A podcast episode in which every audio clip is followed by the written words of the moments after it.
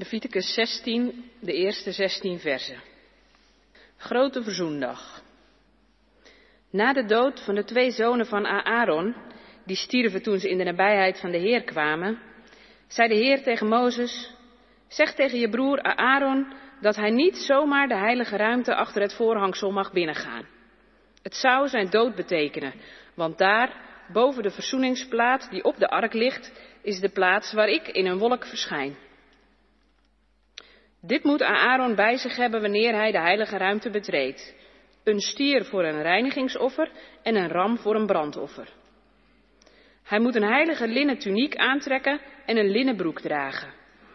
Hij moet een linnen gordel om zijn, middel, om zijn middel binden en zijn hoofd met een linnen tulband bedekken. Dat is heilige kleding. Voordat hij die aantrekt, moet hij zijn lichaam met water wassen. Van de Israëlieten moet hij twee bokken voor een reinigingsoffer in ontvangst nemen en een ram voor een brandoffer. De stier biedt Aaron aan als reinigingsoffer namens zichzelf, om voor zichzelf en zijn familie verzoening te bewerken. De beide bokken moet hij naar de ingang van de ontmoetingstent brengen en daar, ten overstaan van de Heer, moet hij door loting vaststellen welke bok bestemd is voor de Heer en welke voor Azazel. De bok die door het lot voor de Heer bestemd is, moet hij als reinigingsoffer opdragen. De bok die door het lot bestemd is voor Azazel, moet levend voor de, Heer blijven staan om verzoening mee te bewerken en daarna de woestijn in worden gestuurd, naar Azazel.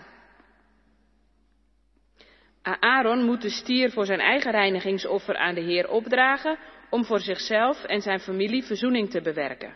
Hij moet de stier slachten en een vuurbak vullen met gloeiende houtskool voor het altaar dat bij de ingang van de ontmoetingstent staat. Hij moet twee handen fijn gestampt, geurig reukwerk nemen en dat alles naar de heilige ruimte achter het voorhangsel brengen. Daar moet hij het reukwerk ten overstaan van de Heer op het vuur leggen, opdat de wolk van het reukwerk de verzoeningsplaat op de ark met de verbondstekst aan het oog onttrekt. Anders sterft hij. Hij moet met zijn vinger wat bloed van de stier op de verzoeningsplaat sprenkelen en zevenmaal wat bloed op de grond ervoor. Daarna moet hij de bok voor het reinigingsoffer van het volk slachten en het bloed naar de heilige ruimte achter het voorhangsel brengen. Met het bloed moet hij hetzelfde doen als met het bloed van de stier. Hij moet het op de verzoeningsplaat en op de grond ervoor sprenkelen. Zo voltrekt hij aan de heilige ruimte de verzoeningsrieten voor de onreinheden en de overtredingen van de Israëlieten, voor al hun zonden. Hetzelfde moet hij doen met het voorste deel van de ontmoetingstent die in hun kamp staat, te midden van alle onreinheid van het volk. Dan lees ik verder bij vers 20 tot 22a. Nadat Aaron de verzoeningsrieten heeft voltrokken aan de heilige ruimte, het voorste deel van de ontmoetingstent en het altaar, moet hij de andere nog levende bok laten brengen. Hij legt dan zijn beide handen op de kop van de bok en spreekt alle wandaden en vergrijpen van de Israëlieten openlijk uit. Alle zonden die ze hebben begaan. Nu legt hij alle zonden op de kop van de bok. Zo legt hij alle zonden op de kop van de bok. Daarna moet hij het dier de woestijn insturen, onder de hoede van iemand die daarvoor is aangewezen. De bok neemt alle zonden van het volk met zich mee naar een verlaten gebied. Dan lees ik nog versen 29 en 30 van hoofdstuk 16. De volgende bepaling blijft voor jullie voor altijd van kracht. De tiende dag van de zevende maand moeten jullie in onthouding doorbrengen en je mag dan geen enkele bezigheid verrichten. Geboren Israëlieten evenmin als de vreemdelingen die bij jullie wonen. Want op die dag wordt voor jullie de verzoeningsrieten voltrokken, opdat jullie van al je zonden gereinigd worden en de Heer weer rein tegemoet kunnen treden. De laatste schriftlezing is uit Hebreeën 6, versen 13 tot 20.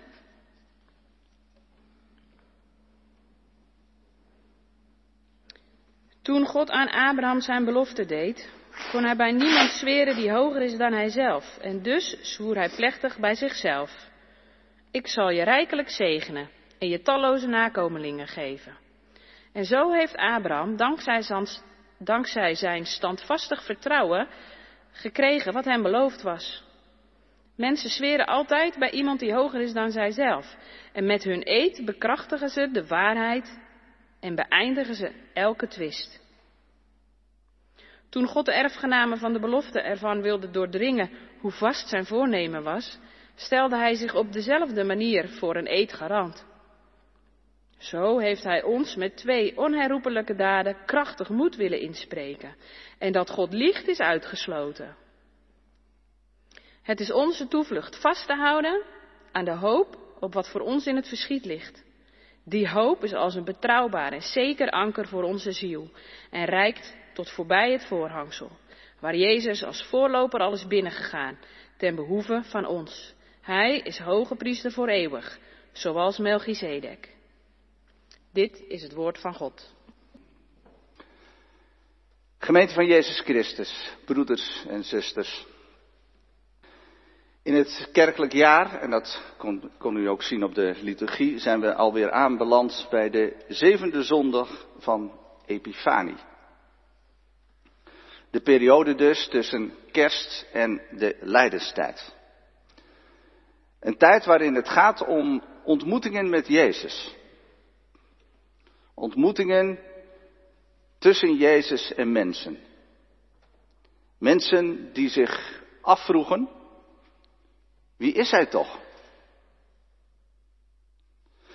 Maar misschien denkt u, nou ja, dat werd toch wel duidelijk in de leiderstijd. Of in elk geval na de opstanding. Hij is toch opgestaan? Zeker. Daar laat het Nieuwe Testament geen twijfel over bestaan. Maar toch is dat een te gemakkelijk antwoord, denk ik. In elk geval geen antwoord dat recht doet aan wat de evangeliën ons laten zien over die ontmoetingen tussen Jezus en die mensen. Ook niet na de opstanding. Er was in elk geval niemand die na de opstanding tegen Jezus zei, wat fijn dat u er weer bent. We dachten dat het afgelopen was, maar fijn, Jezus, om u weer te zien. Fantastisch, geweldig, u bent opgestaan. Nee, ze snapten er eigenlijk heel weinig van. Het was ontdekken, beetje bij beetje, met angst en vrees. En hoe kan nou zo'n verwarrende, ontregelende geschiedenis van die Jezus van Nazareth, zo'n verhaal ons nu verder helpen? Krachtige moed geven, zoals de Hebreeënbrief dat zegt. En zelfs een anker voor onze ziel zijn. Die aan een verachtelijk kruis gestorven man Voorloper? Hoogpriester? Hoezo? En wat heb je aan dat soort beelden uit lang vervlogen tijden? Kunnen we daar nog iets mee? Vandaag? Of morgen, als u weer in een Zoom-meeting zit, of achter uw bureau neerploft, of in het ziekenhuis staat, of aan de studie bent? Daar wil ik met jullie over nadenken. Maar eerst wat achtergronden bij deze Hebreeënbrief. De Hebreeënbrief is eigenlijk geen brief, maar een reden of een preek. Een hele, hele lange preek. En ik hoop eigenlijk voor de hoorders dat het een samenstel van preken is geweest. Anders was het dan een hele lange zit. Maar wel een hele goede preek. Een preek waar het met name gaat over beelden uit het Oude Testament. Beelden waarmee de luisteraars werden aangemoedigd. Aangemoedigd om dat geloof in die Jezus van Nazareth vast te houden. De Hebreeënbrief is ook een vrij laat Bijbelboek. En het was in die tijd kennelijk nodig om de hoorders aan te moedigen om dat geloof vast te houden. Dat geloof in die Jezus van Nazareth. Dat het zo'n goed verhaal is dat het evangelie genoemd mag worden. Dat het je leven redt. Dat het houvast geeft. Juist omdat het zo ongekunsteld is. Juist omdat het er niet zo indrukwekkend uitziet.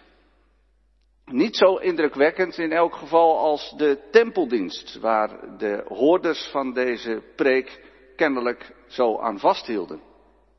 In ieder geval bijzondere belangstelling voor hadden. Misschien ook nog wel naar terugverlangden. En daarom ondersteunt de Hebreeënbriefschrijver of degene die daarin preekt zijn betoog met hele concrete voorbeelden uit het Jodendom. Voorbeelden die voor de Joden heel erg belangrijk waren. Maar vooral met dat ene voorbeeld. Het voorbeeld van grote verzoendag. Yom Kippur. Ha Yom Kippurin. Of kortweg zoals de Joden dat zeggen, Hayom. De dag. De dag van verzoening, waarover we lazen in Leviticus 16. En die dag, die dag van grote verzoening, kreeg Israël om echt helemaal schoon te worden. Helemaal schoon schip te maken. Elk jaar weer opnieuw, zo lazen we dat. Elk jaar weer datzelfde uitgebreide ritueel om schoon te worden. Schoon voor God. Om vrij te staan ten opzichte van de heilige, de eeuwige.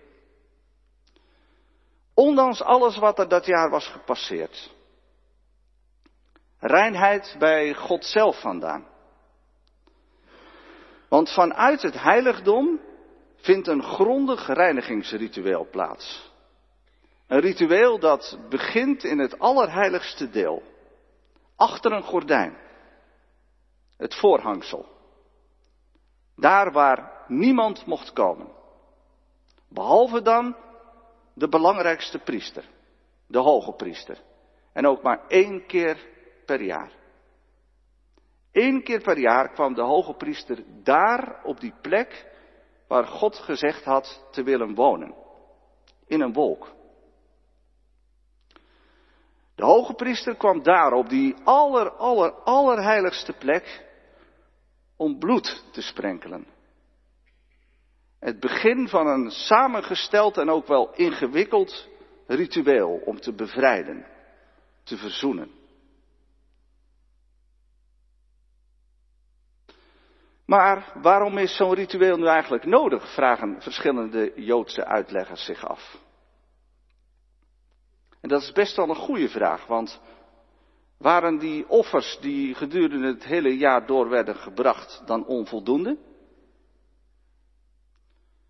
Was dat ragfijne stelsel van allerlei verschillende soorten offers die dagelijks gebracht moesten worden, dan uiteindelijk toch niet effectief genoeg? En wat zegt dat over God? Blijft er nog wat over? Vergeeft God dan niet ruiterlijk? Is het nooit genoeg? Komt hij er gewoon nog op terug? En in een nieuwtestamentische context, wat is dat nu voor een soort verzoening in het Oude Testament? Is dat wel echte verzoening? Jezus was toch nog niet gestorven? Op Grote Verzoendag is er in elk geval geen enkele twijfel mogelijk. In elk geval niet volgens onze tekst van Leviticus 16. Echte verzoening ten opzichte van de eeuwige zelf. Zoals dat in vers 30 staat. Want op die dag wordt voor jullie de verzoeningsrite voltrokken, opdat jullie van al je zonden gereinigd worden en de Heer, met hoofdletters, de eeuwige zelf dus, weer rein tegemoet kunnen treden. Echte verzoening. Echte vrijheid. God vernietigt het kwaad zelf. En wat ik een hele mooie gedachte vond, wat, en wat ik ook ergens las bij een van de Joodse commentaren. God bevrijdt zich ook zelf van het kwaad. Het kwaad dat kennelijk het allerheiligste deel van de Joodse riten zelf is binnengedrongen. Het kwaad wat infiltreert, wordt jaarlijks uitgebannen, zodat het ook God zelf niet in de weg zit. Weggedaan, totaal vernietigd, met een samengesteld ritueel gebaseerd op bloed, met verbranding, met herhalingen ook, om er zeker van te zijn dat het grondig genoeg is. En ook met het wegzenden van een bokje de wildernis in. Eén geitenbokje, de zondebok, die wordt beladen met alle schuld en alle zonden van het hele volk. Dit bokje was een van de twee uitgekozen bokjes. Eén bokje werd gekozen voor God, om bloed te sprengen. En één bokje mocht blijven leven. En die wordt naar Azazel gestuurd, zo lazen we. En ook dat is een fascinerend onderdeel van dit ritueel. Want het was in Israël nadrukkelijk verboden om wat voor ritueel dan ook te doen voor iemand anders dan de God van Israël. Hoe kan dat dan? Verschillende uitleggers komen toch tot de conclusie dat dit geitenbokje, dat wordt beladen met alle zonden en schuld van het volk, niet naar God wordt gestuurd, maar symbolisch naar de Satan wordt gestuurd. De zonden dus, alle zonden en schuld van het volk naar de Satan, dat levert wel hele moeilijke exegetische vragen op. Die ik jullie zal besparen, maar de naam Azazel lijkt daar toch echt op te wijzen. En die komt trouwens ook voor in de oudste handschriften. Sommige vertalingen hebben het niet, maar Azazel is degene die voorkomt in de oudste handschriften. Dus de zonde niet naar God, maar naar de Satan, de grote tegenstander van God. Dat bokje neemt dus alle kwaad, alle ellende, alle zonden van het volk mee naar daar waar het thuis hoort. Terug naar de bron. Terug naar het ultieme kwaad. Terug naar het kwaad zelf. Als de tegenpool van de eeuwige, in wie geen kwaad en geen duisternis is. Rein, schoon, echt verzoend. Opnieuw mogen beginnen. Elk jaar weer opnieuw. Dat was het doel van die rite van Grote Verzoendag. Dat startte achter dat gordijn, dat voorhangsel, in het binnenste van het heiligdom. Eigenlijk een grote schoonmaak om nieuwe, frisse hoop te brengen Nieuw vertrouwen. Nieuwe moed. Grote verzoendag dus. Groot, niet om religieus succes te vieren. Nee, eigenlijk precies het tegenovergestelde. Groot feest, inderdaad, groot feest. In de hoop en in het vertrouwen op de door de hoge priester bewerkte verzoening. En dan onze tweede schriftlezing, Hebreeën 6. Het beeld van Grote Verzoendag ligt ook onder het Bijbelgedeelte dat we daar lazen.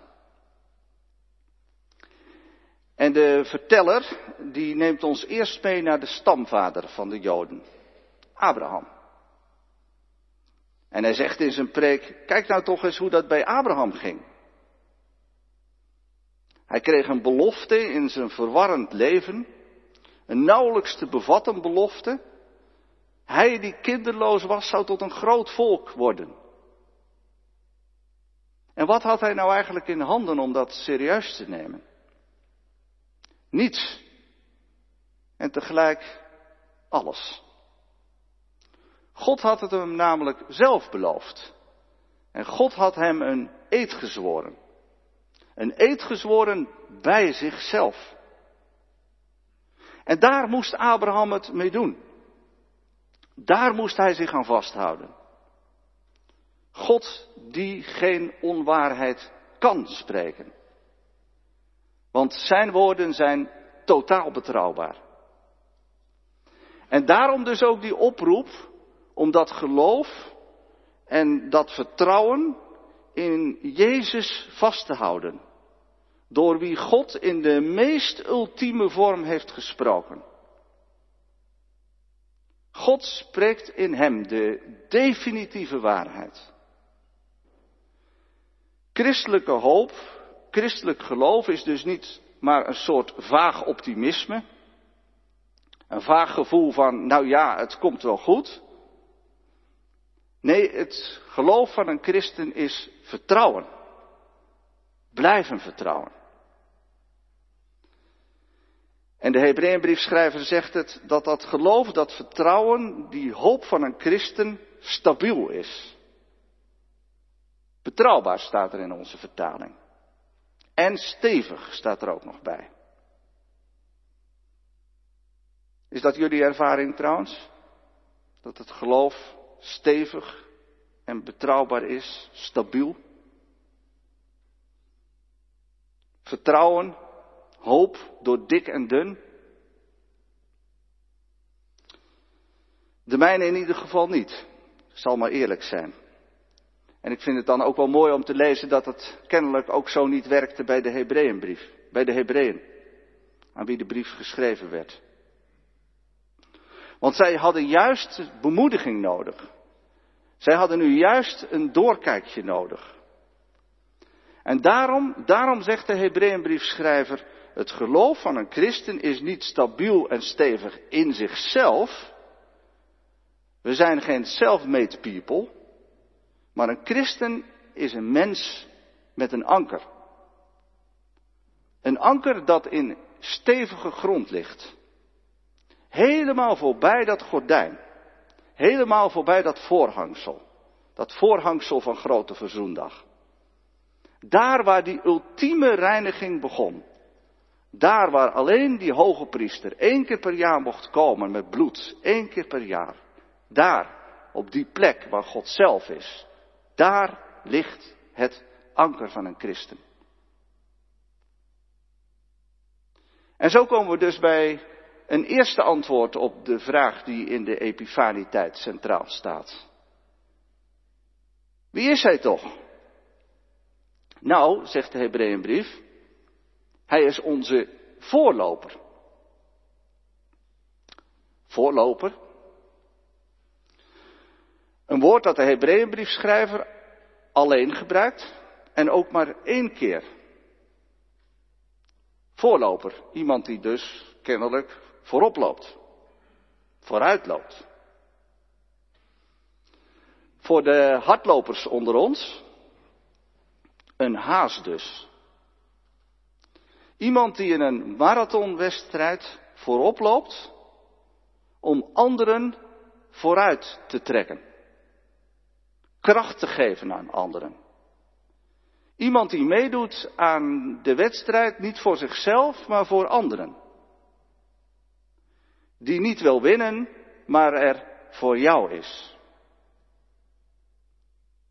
Wie is toch deze? Onze voorloper. Hij heeft het allemaal al meegemaakt. Hij is er al geweest. Hij is het lijden helemaal doorgegaan. Zijn leven afgelegd als een offer.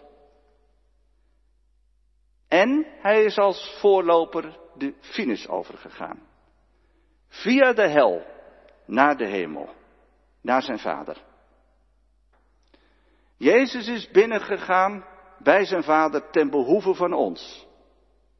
Daar waar niemand kan komen, daar is hij.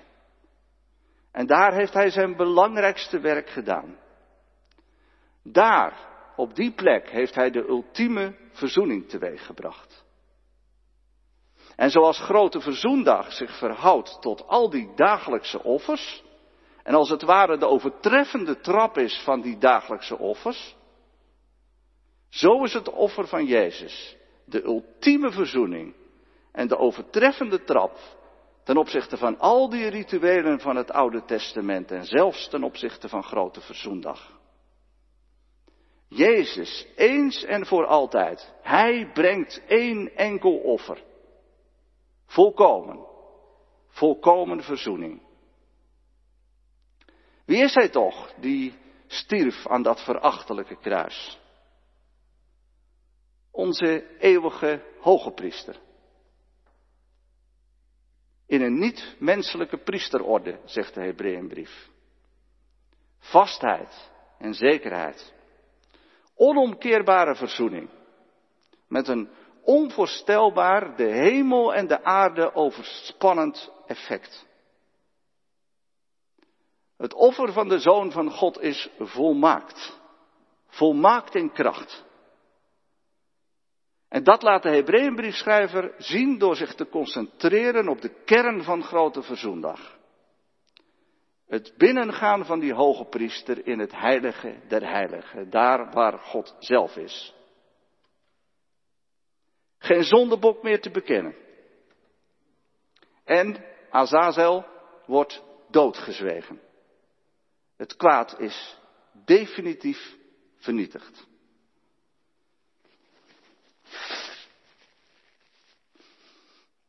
Dan nog een paar slotopmerkingen om het nog wat dichterbij te brengen. We begonnen deze dienst, of in ieder geval de lezingen, met het samengestelde ritueel van Grote Verzoendag. Hayom, de dag. De grote dag van de verzoening. Zodat jullie rein kunnen zijn voor de eeuwige. Elk jaar weer opnieuw die bevrijdende ervaring dat God reinigt en verzoent en er niet meer op terugkomt.